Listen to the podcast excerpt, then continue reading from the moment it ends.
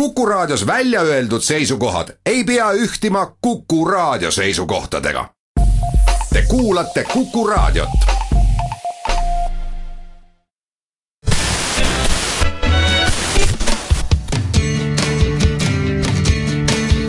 Radio Talsinki. Radio Talsinki ja unikaalsed Eesti lood toob teieni Solosokos Hotel Estoria. Radio Talsinki Tervetuloa jälleen Radio Talsinki-ohjelman pariin. Äänessä on täällä Tapio Reini. Ja oikein hyvää itsenäisyyspäivän jälkeistä päivää. Haluan toivottaa koko Viron kansalle paljon onnea. 25 vuotta on siitä, kun Viro jälleen itsenäistyi ja sai oman lippunsa liehumaan vapaasti tuonne Toompean mäelle ja itse olen erittäin tyytyväinen siitä asiasta ja varmasti koko meidän radiomme toimitus. Hieno homma. Ja tuota, katselin eilen televisiosta aivan upea vastaanotto siellä, siellä Katri Orgussa Ruusutarhassa. Se on tosi hienon näköinen paikka ja, ja upeita konsertteja ja lauluesityksiä ja kaikkea siellä järjestettiin ja se oli kyllä hienon näköistä television välityksellä sieltä sitä seurailin siinä ja ja tykkäsin kovasti ja varmasti koko Viron kansa tykkäsi siitä tapahtumasta. Haastateltiin myöskin monia eri henkilöitä. Ivo Linna siellä kertoi, että tämä on hänen kotimaansa ja hän ei halua mihinkään Suomeen muuttaa television välityksellä. Sitä katselin ja, ja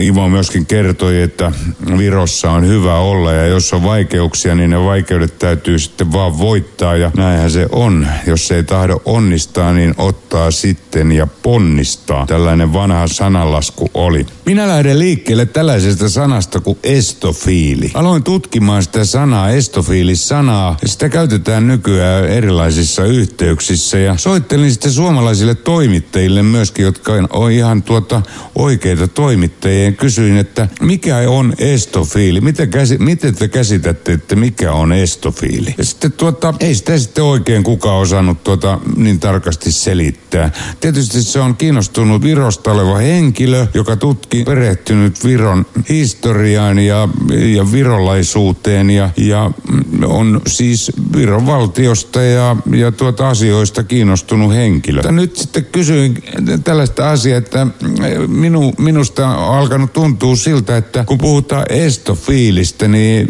sillä tarkoitetaan jotakin suvakkia, joka ei ole kriittinen millään tavalla tuota eestiä kohtaan ja, ja tällä tavalla, että mm, estofiili-sana on jollakin tavalla käsitetty aivan väärin minun mielestäni ja tätä asiaa tutkin aika pitkään ja keskustelin siitä asiasta myöskin tosiaankin toimittajien kanssa, että onko näin, että se tosiaankin tuota, ajatellaan, että se on suvakki-sana sillä tavalla niin sanottu suvaitsevainen, joka ei millään tavalla voi olla Virosta tuota kriittisesti tarkasteleva henkilö. No, siinä sitten tuota pohdittiin tätä asiaa ja tultiin siihen lopputulokseen, että kyllä varmasti näin onkin, onkin että näin sitä käsitetään monta kertaa tätä estofiilis-sanaa.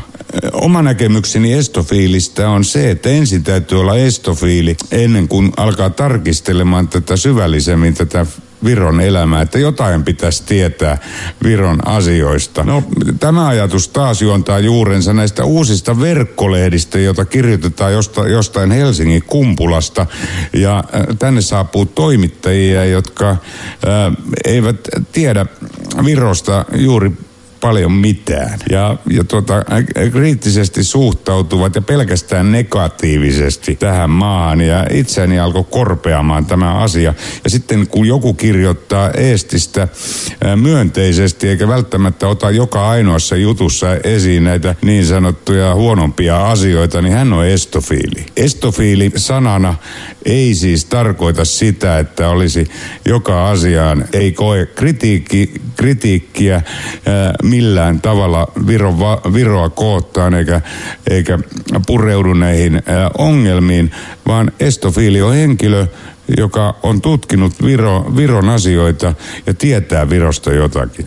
En tiedä ymmärsikö kuuntelijat mitä tarkoitan, mutta äh, tosiaankin nämä uudet verkkolehdet, joita saapuu tänne kuin sieniä sateella niin, ja sitten kirjoittelevat näistä, näistä eri aiheista, niin ää, äh, tältä pohjalta aloin miettimään näitä estofiilijuttuja ja, ja selvittämään tätä estofiilisanaa. Tämä tästä.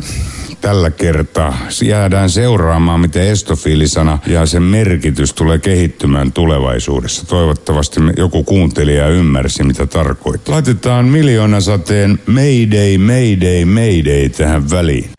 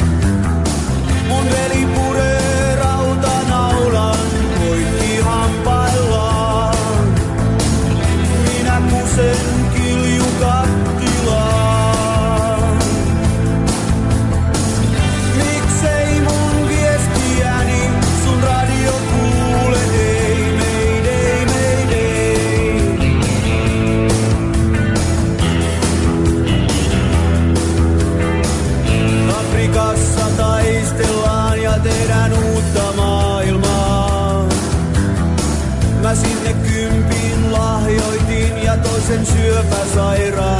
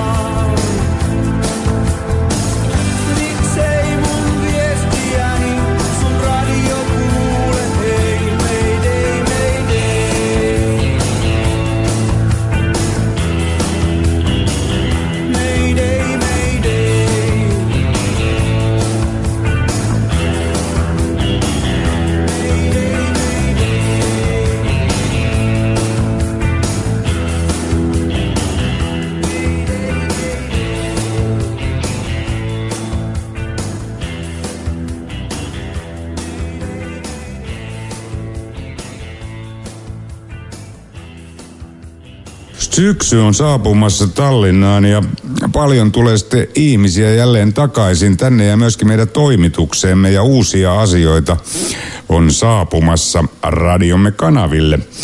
Nyt Terhi Pääskylä Malmström toimittaja, joka kirjoittelee moneen moneen eri lehteen Suomen puolella, alkaa tekemään meillä ohjelmasarjaa Terhinaattorin Tallinna ja hieno juttu, että saadaan naisääniä mukaan tänne kovasti.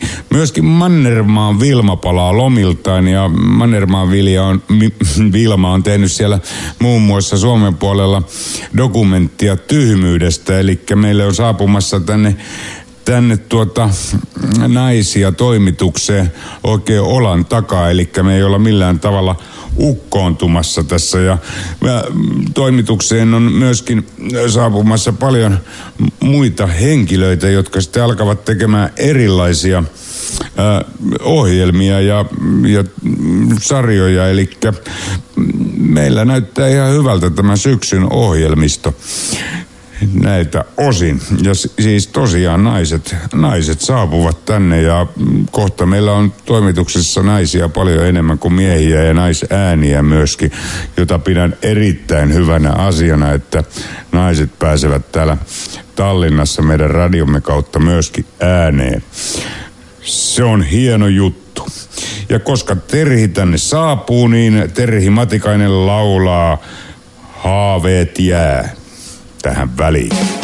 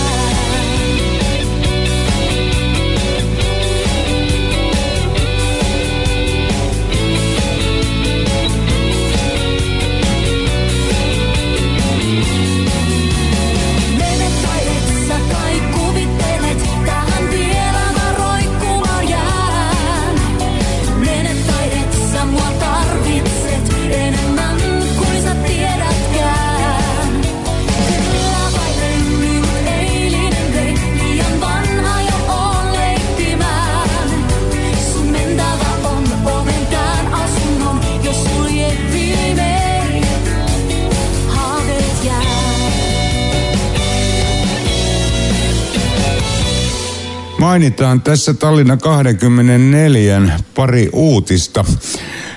Nimittäin tässä se on Viron ja Latvian rajalla sijaitsevan superhalvan alkoholikaupan hinnasto löytyy nyt sieltä, että kannattaako ajaa sinne asti. Ja täällä pystyy nyt sitten tuota sivuilla käydä tutustumassa, että kannattaako sinne ajella autolla vai eikö kannata. Menkääpä tutustumaan tähän artikkeliin. Aika, aika tuota mielenkiintoinen asia ja, ja siellä tosiaankin on hinnat eri, eri tuota alkoholituotteista. Pidetään pieni tauko tähän väliin ja jatketaan sitten taas Radio Talsinkin ohjelman parissa ja Kukkuradion aalloilla.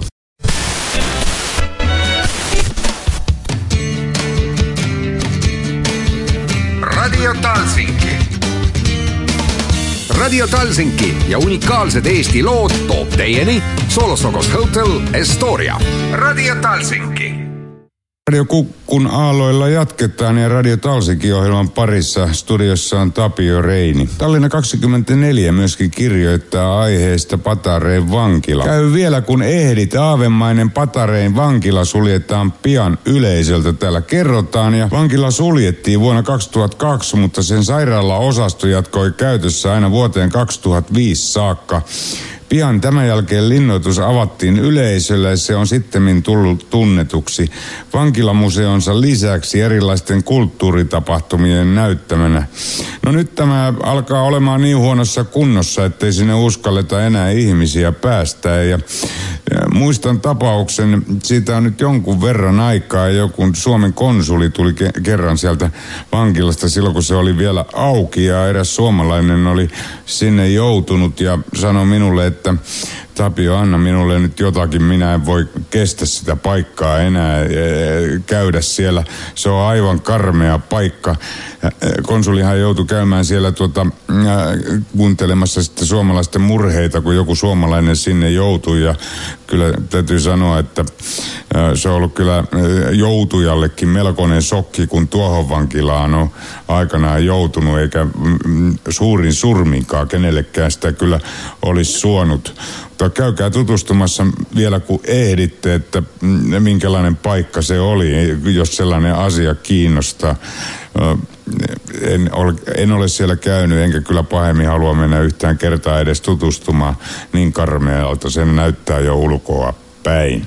Siirrytään seuraaviin aiheisiin ja laitetaan tuota hieno piisi Antti Tuiskulta tähän väliin. Palaan kotiin on semmoinen biisi ja sieltä varmasti kun joku Patarin vankilasta on palannut kotiin, niin on ollut vähän hienot fiilikset.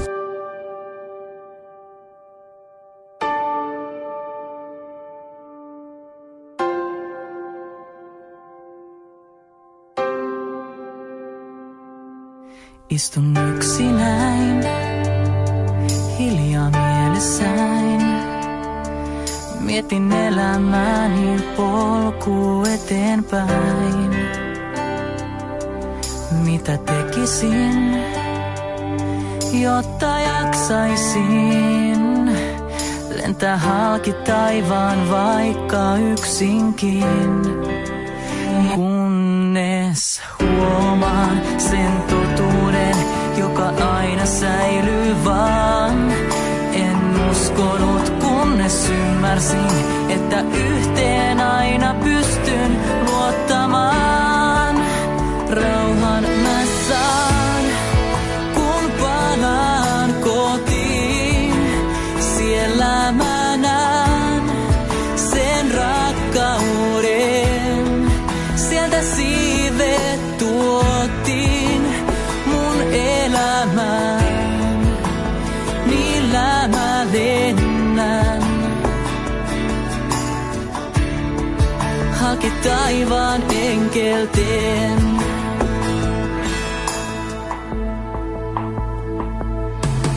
Kuljen eteenpäin, isä vierelläin. Sille kerron tunteen syvältä sisimmästäin.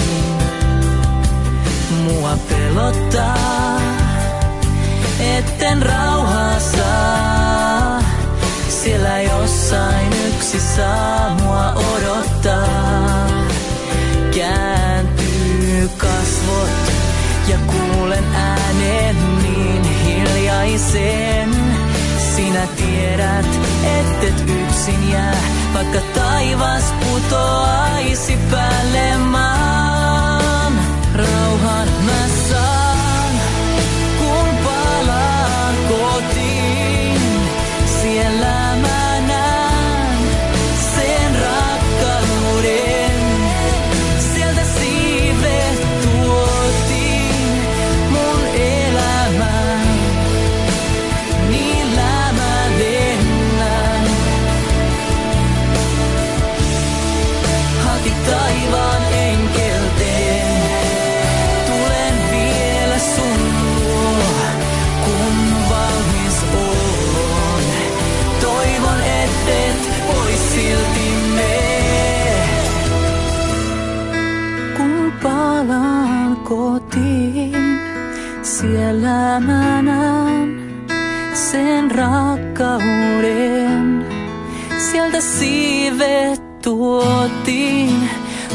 el amar, ni la malena.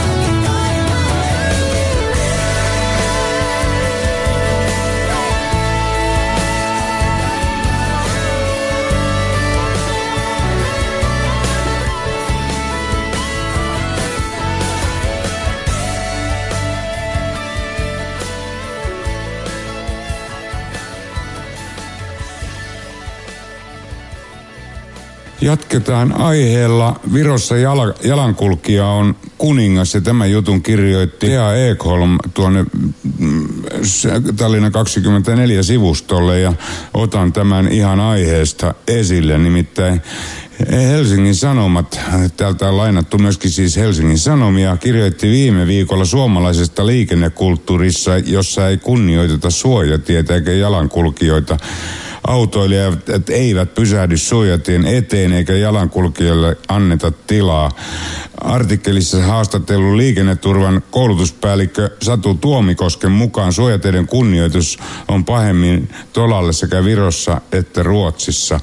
Omat kokemukseni ovat samanlaisia ja otan tämän sen takia nyt esille, että siellä nämä pienet nati- natiaiset alkavat lähtemään koulutielle ja nyt jos tuolta tulee sitten näitä, näitä suomalaisia sika-autoilijoita ajelemaan tänne, jotka eivät kunnioita äh, suojateitä, niin varo varoittaisin heitä, että koittakaa nyt muuttaa sitä omaa ajotapaanne sillä tavalla, että ette aiheuta täällä yliajoja. Täällä on jo ihan tarpeeksi suomalaisten osalta niitä ollut ja, ja, ja, ja jos tuntuu siltä, että ette pysty kunnioittamaan suojatietä, niin jättäkää mieluummin se autonne kotiin, kun ajaisitte täällä pienten lasten tai vanhusten tai toistenne päältä suojateillä tällainen, tuota, tällainen vinkki sinne Suomen puolelle.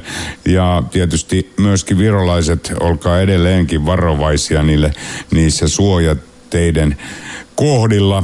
Täällä tosiaankin alkaa syyskuun ensimmäinen päivä koulut ja pienet, pienet tuota, natiaiset uusine koulureppuineen siellä sitten astuvat liikenteen sekaan. Ja, ja täällä tosiaankin, kun on totuttu siihen, että auto pysää, auto pysäytetään suojatie eteen, niin, niin se saattaa olla melkoinen yllätys, jos tällainen helsinkiläisautoilija tulee sitten ja ei pysähdy ja ajaa ihmisen päältä, niin toivon, että tällaisia tila, tilanteita ei täällä sitten syntyisi tällaisia terveisiä sinne Suomen puolelle. Kunnioittakaa täällä Tallinnassa ja suojateitä.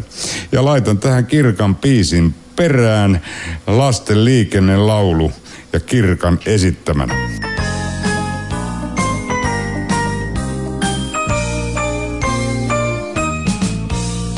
Valppain mielin muistassa aina vaaroja liikenteen. Säännöt mieleesi paina, paina ne tarkalleen. Säännöt ne vasta auttavat lasta turvassa kulkemaan. Vältä vaaraa uhmailemasta, sääntöjä seuraavaan. Muista aina liikenteessä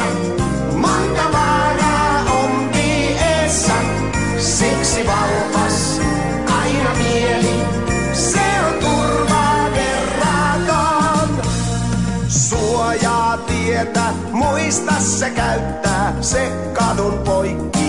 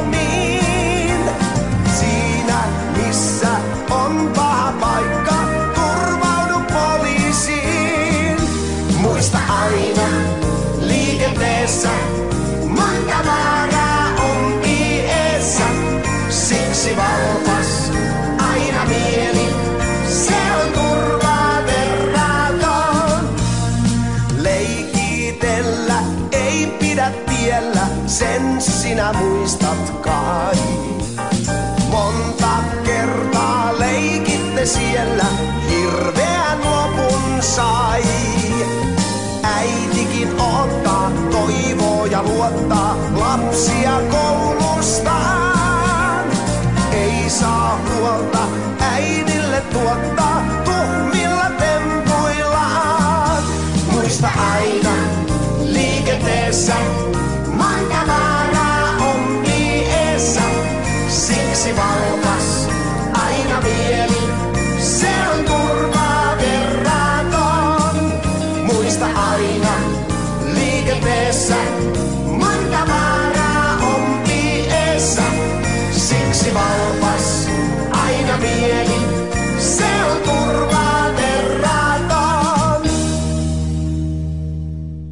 Käsitellään hieman tätä olympia-aihetta ja Suomen menestystä. Kyllä se oli tosi surkea, täytyy sanoa. Ja kummola jyrähtää Suomen menestämättömyydestä ää, täällä Yleisradion sivuilla.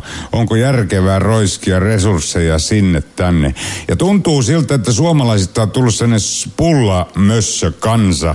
Hirvittävät määrät kiskaistaan rahaa kiinni sinne urheiluun ja tulokset on mitättömiä. Ja nyt täytyy sanoa, että Potkonen, joka no, nyrkkeilyssä sitten otti sen pronssimitalin, niin hänelle kyllä tukia ei sitten tullut kuin 10 000 ja se meni hänen leikkauksiinsa. Eli siellä on lainaamalla ja tehty kaikenlaista muuta, niin tämä nainen sitten saavuttanut tämä pronssimitali ja siellä saa kyllä nyt joku tuijottaa peiliin oikein tosi, tosissaan.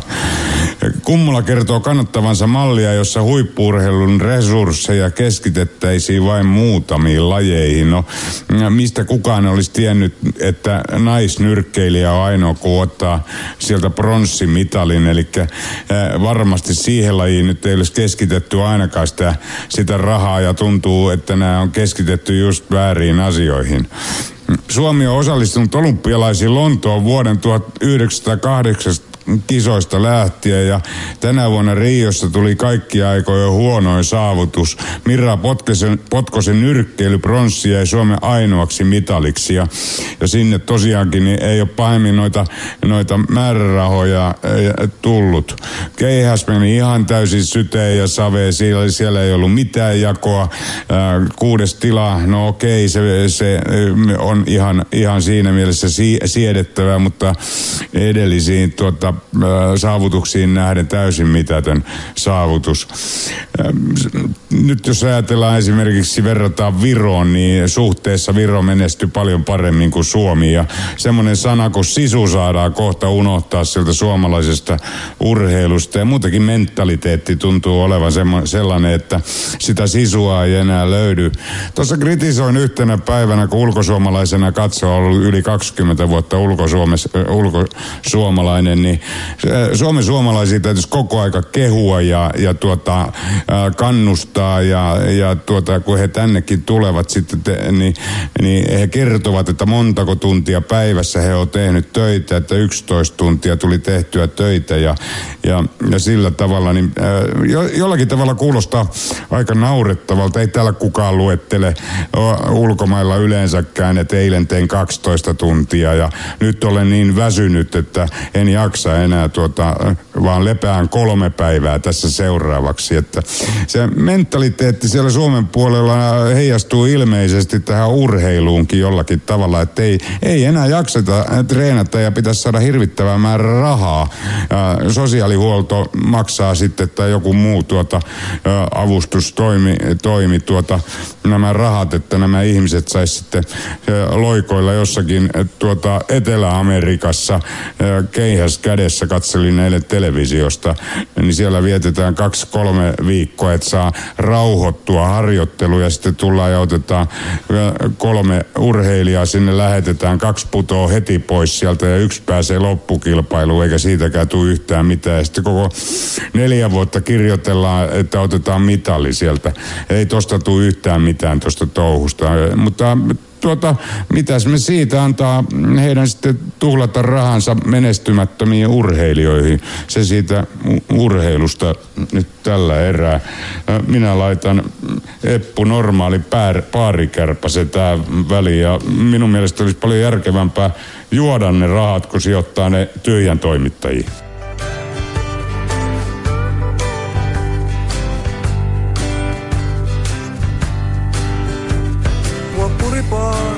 Kärpänen, mut miksi suremaan?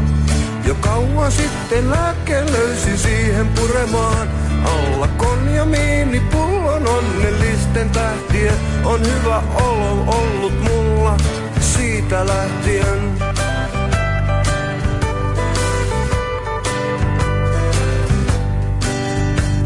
Jos posket ei näy takapäin, niin missä vika on? No sosiaalihuoltohan on ollut vastuuton. Kas viina menee ensin poskiin sieltä aivoihin ja sieltä käsin vaikuttaa se kaikkiin vaivoihin. Siis ryppäämään, ryppäämään, joka aamu sännätään. Ja kun päivä on ohi, niin lisää kännätään. Tahdon olla jouluksissa aina sekä maanantaina, tiistaina, keskiviikkona torstaina.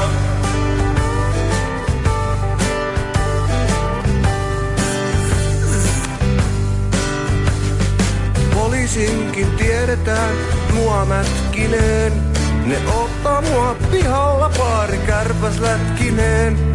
Voi jospa voisin jäädä tänne baariin nukkumaan, kun multa ihmisoikeudet on näin mä päässyt hukkumaan. Siis ryppäämään, ryppäämään, joka sännätään. Ja kun päivä on ohi, niin lisää kännätään. Tahdon olla juovuksissa aina sekä maanantaina, tiistaina, keskiviikkona ja torstaina. Siis ryppäämään, ryppäämään, joka aamu sännätään. Ja kun päivä on ohi, niin lisää kännätään. Tahdon olla juovuksissa aina sekä maanantaina, tiistaina, keskiviikkona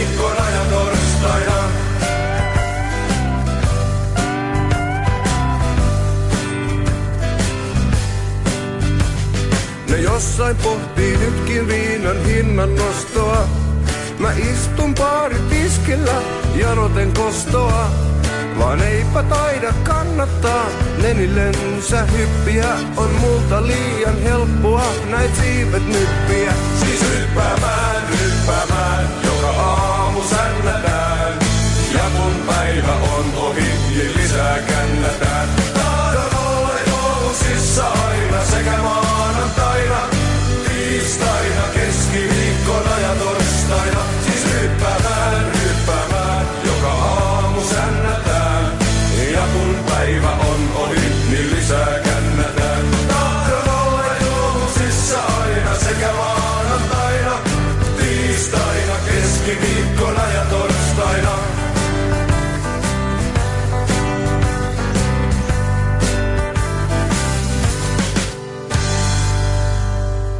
Pidetään pieni tauko tässä välissä ja jatketaan sitten jälleen Kukkuradion aalloilla ja Radio Talsikin parissa.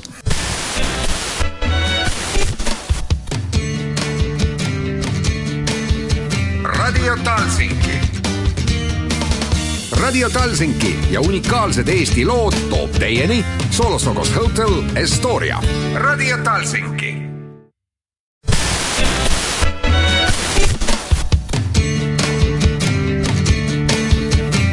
Radio Talsinki.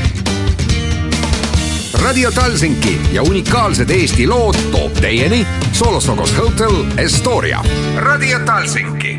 Jatketaan Radio Talsikin ohjelman parissa ja Kukkuradion aalloilla äänessä on Tapio Reini. Otetaan käsittelyyn meidän oma tapahtumamme, jossa on Tallinna 24 ja Baltic Kuide lehti myöskin mukana. Nimittäin tämän viikon lauantaina 27.8. kello 19 tuolla Rahumäen T25 Alfredin pupissa meillä on Suomi-Viro Rock Pop Ilta.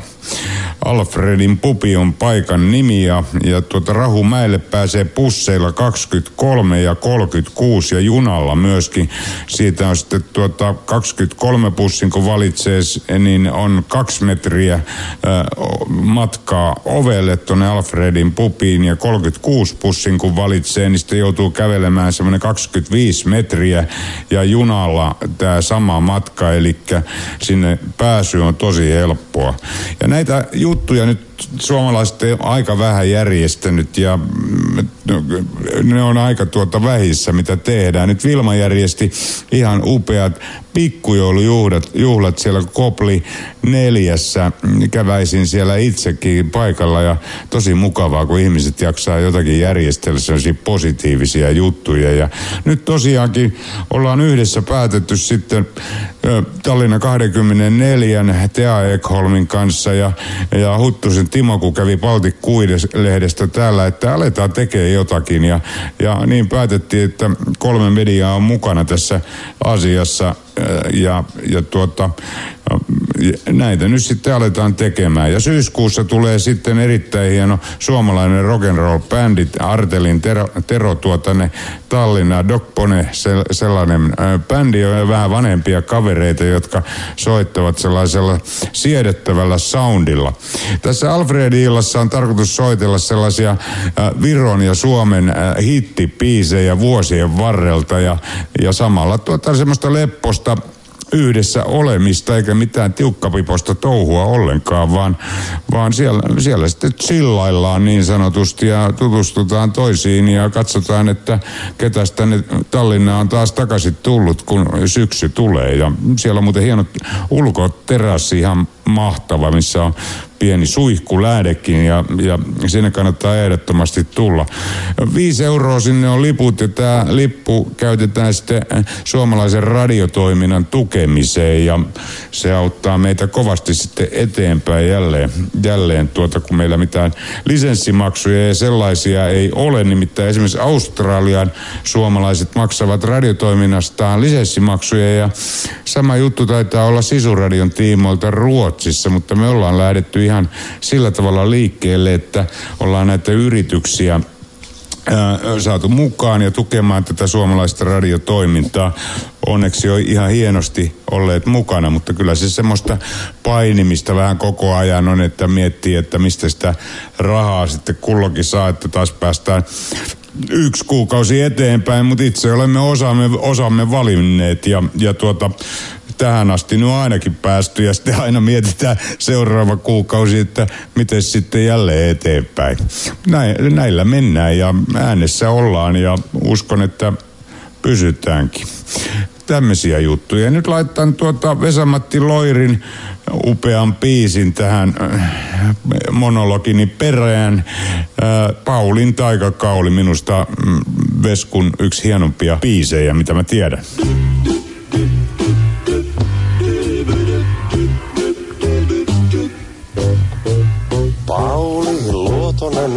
Pulla pitkon muotoinen mies on verraton.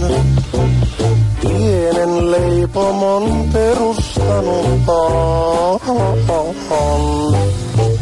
Hän on paakari, vehnäpulla maakari, kuulu taidoiltaan. Taikinan hän saa aina nousemaan. Ja ryhtyessään leipomiseen hän tarttuu kaulimeen. Pam pam Paulin taikakaulin kerran heilahtaa. Pam pam Paulin taikakaulin se oikis tehoaa.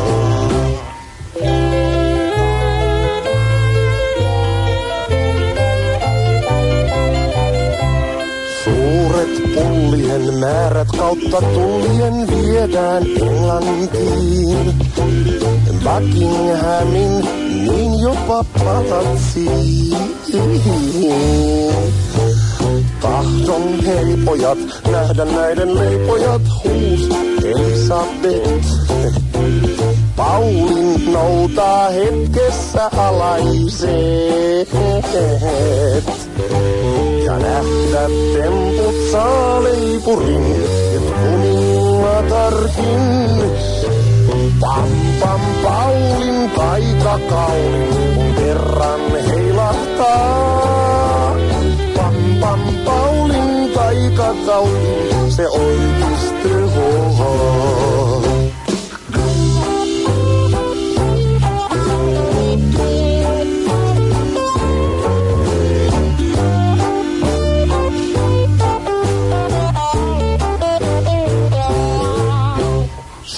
uuden pankki ja uusi hovihankkija täyttää kukkaron.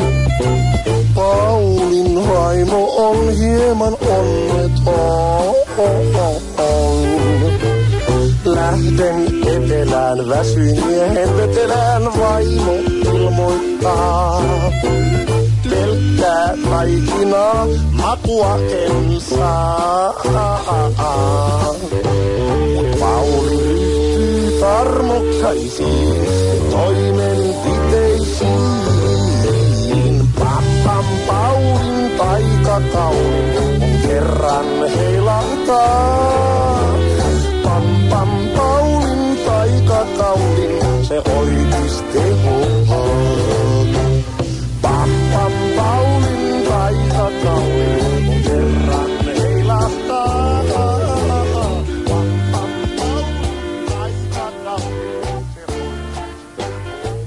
Meidän ohjelmistommehan löytyy sieltä sss-radio.ee kotisivuilta ja kun painaa sitä ohjelmistot, niin sieltä aukeaa sitten tuota kaikki se, mitä me lähetetään. Ja Tallinnan vinkit on suht uusi asia, mitä, mikä vaihdettiin nyt Tallinna 24 uutisiin. Ja Tean porukka siellä toimittaa ne meille päivittäin, että mitä kannattaa Tallinnassa tehdä ja mitä kannattaa touhuilla. Ja se tulee meillä joka arkipäivä kello 20.00, niin pääsee sieltä sitten tutkimaan, että mihin, tä, mihin täällä kannattaisi mennä ja hieno lisä. Ja tosiaankin yhteistyö Tallinna 24 kanssa on lähtenyt tosi hienosti liikkeelle ja sinne saatiin sitten myöskin meidän logomme sinne sivustolle, että mistä meitäkin pääsee kuuntelemaan ja näkyy myöskin nämä megahertsit, 92,4 megahertsiä. Poikani kävi tuossa muuten Helsingissä ja sanoi, että meidän kuuluvuusalue nyt uuden lähettimen osalta sinne meren suuntaan on kasvanut melkoisesti ja, ja tota, kuuluu jo reilusti yli puolen välin tässä matkassa ja, ja sillä tavalla, että kyllä tässä eteenpäin mennään ja yritetään sitten tuota tekniikkaa kehittää vielä lisää. Siinähän tosiaan meillä oli ongelmia, meillä pamahti lähetin siinä kuukauden toiminnan jälkeen ja aiheutti meillä melkoisen probleeman, mutta siinä sitten ERR tuli meidän apuun, apuun ja, ja toi meille lähettimen ja sopuhintaan saadaan se sitten sieltä, sieltä tuota, tai saatiin ja auttoivat tekniikkansa osalta myöskin, myöskin lähettimen paikalleen ja sillä tavalla, että meitä sitten pääsee jälleen kuulemaan eetterissä.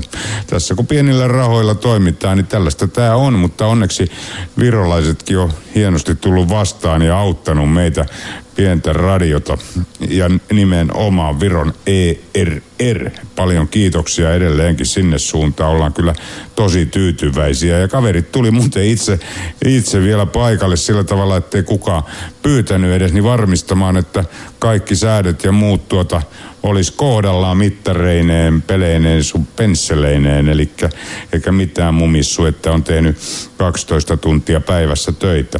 Että hienoja miehiä siellä ERRissä, kiitos sinne suuntaan kovasti. Tarkistellaan vähän Suomen politiikkaa tässä lopussa, aika mielenkiintoinen uutinen, nimi- nimittäin tuomioja ehdottaa oppositiolle yhteistä vaaliohjelmaa, ja mä en ihmettele yhtään sitä, että SDP ehdottelee tällaista, nimittäin heillä alkaa katoa käymään, ei oikein tuota teemat vedä ja SDPn osalta. SDP-kansanedustaja kiittelee yhteistyötä vihreiden ja vasemmistoliiton kanssa ja mm, täytyy sanoa, että ei, ei tuomioja ainakaan minun kansanedustaja ole, koska ei edes eduskunta-avustaja voinut vastata, että ei saa haastattelua. Se olisi nyt vähintä, että edes tuota lupaamaansa haastattelun tuota, pyyntöä vastaa kieltävästi minun mielestäni, että mikä, kuinkahan paljon tällainen edustaja, mm, tuota kansanedustaja avustaja saa palkkaa, jos, jos hän nyt kirjoittaisi yhden, yhden tuota, maininnan, että valitettavasti nyt Erkki Tuomioja ei ehdi antamaan, antamaan haastatteluja, niin se olisi ihan riittänyt meille. Eli SDPn kansanedustaja Erkki Tuomioja ehdottaa, että suurimmat oppositiopuolueet SDP, Vasemmistoliitto ja Vihreät laatisivat seuraaviin eduskuntavaaleihin yhteisen vaaliohjelman. Näin täältä tuota pyydetään ja mä luulen kyllä sillä tavalla, että onkohan tuota Vihreät ja Vasemmistoliitto nyt tämän kansanedustajan kanssa samaa mieltä tästä asiasta, nimittäin Vasemmistoliiton ja Vihreiden kannatus siellä Suomen puolella nousee, kun kulovalkea ja SDP laskee. Ja, ja yksi syy on se, että eihän he kansasta välitä. Tämän näkee kaikesta suhtautumisesta, ylimielisestä sellaisesta. Pieniä tiedotusvälineitä niin kuin meitäkin kohtaan. Eli enpä ihmettele yhtään. Ja nyt sitten yritetään saada toisilta puolueilta tukea ja huudetaan apua apua, kun oma kannatus laskee. Näitä hommia pitäisi tehdä vähän toiseen malliin malliin, mitä tuomioja nyt tällä hetkellä tekee. Hän on leipiintynyt poliitikko, joka voisi jäädä jo minun mielestäni eläkkeelle ihan kokonaan. Näin se on. No niin, ei tässä mitään. Nuorempana hän kyllä oli tuota radikaali vasemmisto sissi, mutta enää hän, häneltä ei oikein tällaisia juttuja tuota, voi odottaa, että hänestä olisi kansalle jotain hyötyä. Tässä tämänkertainen Radio Talsinki-ohjelma ja katsotaan sitten ensi viikolla, minkä, minkälainen se sitten silloin on. Moi moi kaikille ja eletään kohti syksyä ja mielenkiintoisia uusia ohjelmia ja vieraita on tulossa Kalle Palanderia ja kaikenlaista, kaikenlaista muutakin. Moikka vaan kaikille.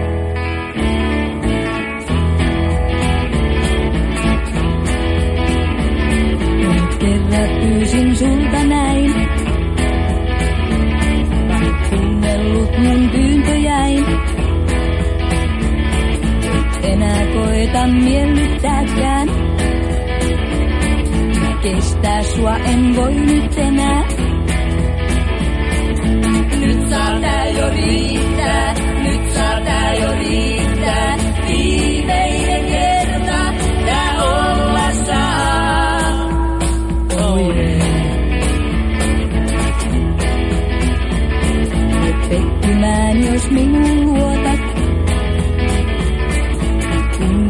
Joka päivä tuotat. Liikaa piinaa, liikaa vaivaa. Enää kestä sua en lainkaan. Nyt saa tää jo riittää, nyt saa tää jo riittää.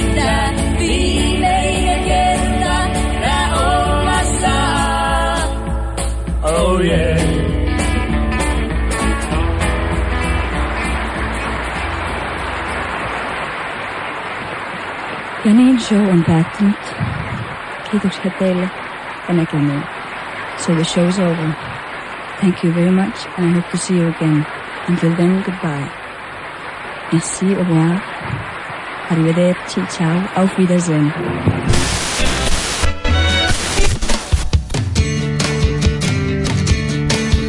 Radio Talsinki. Radio Talsinki ja unikaalsed Eesti lood toob teieni Solostokos Hotel Estoria. Radio Talsinki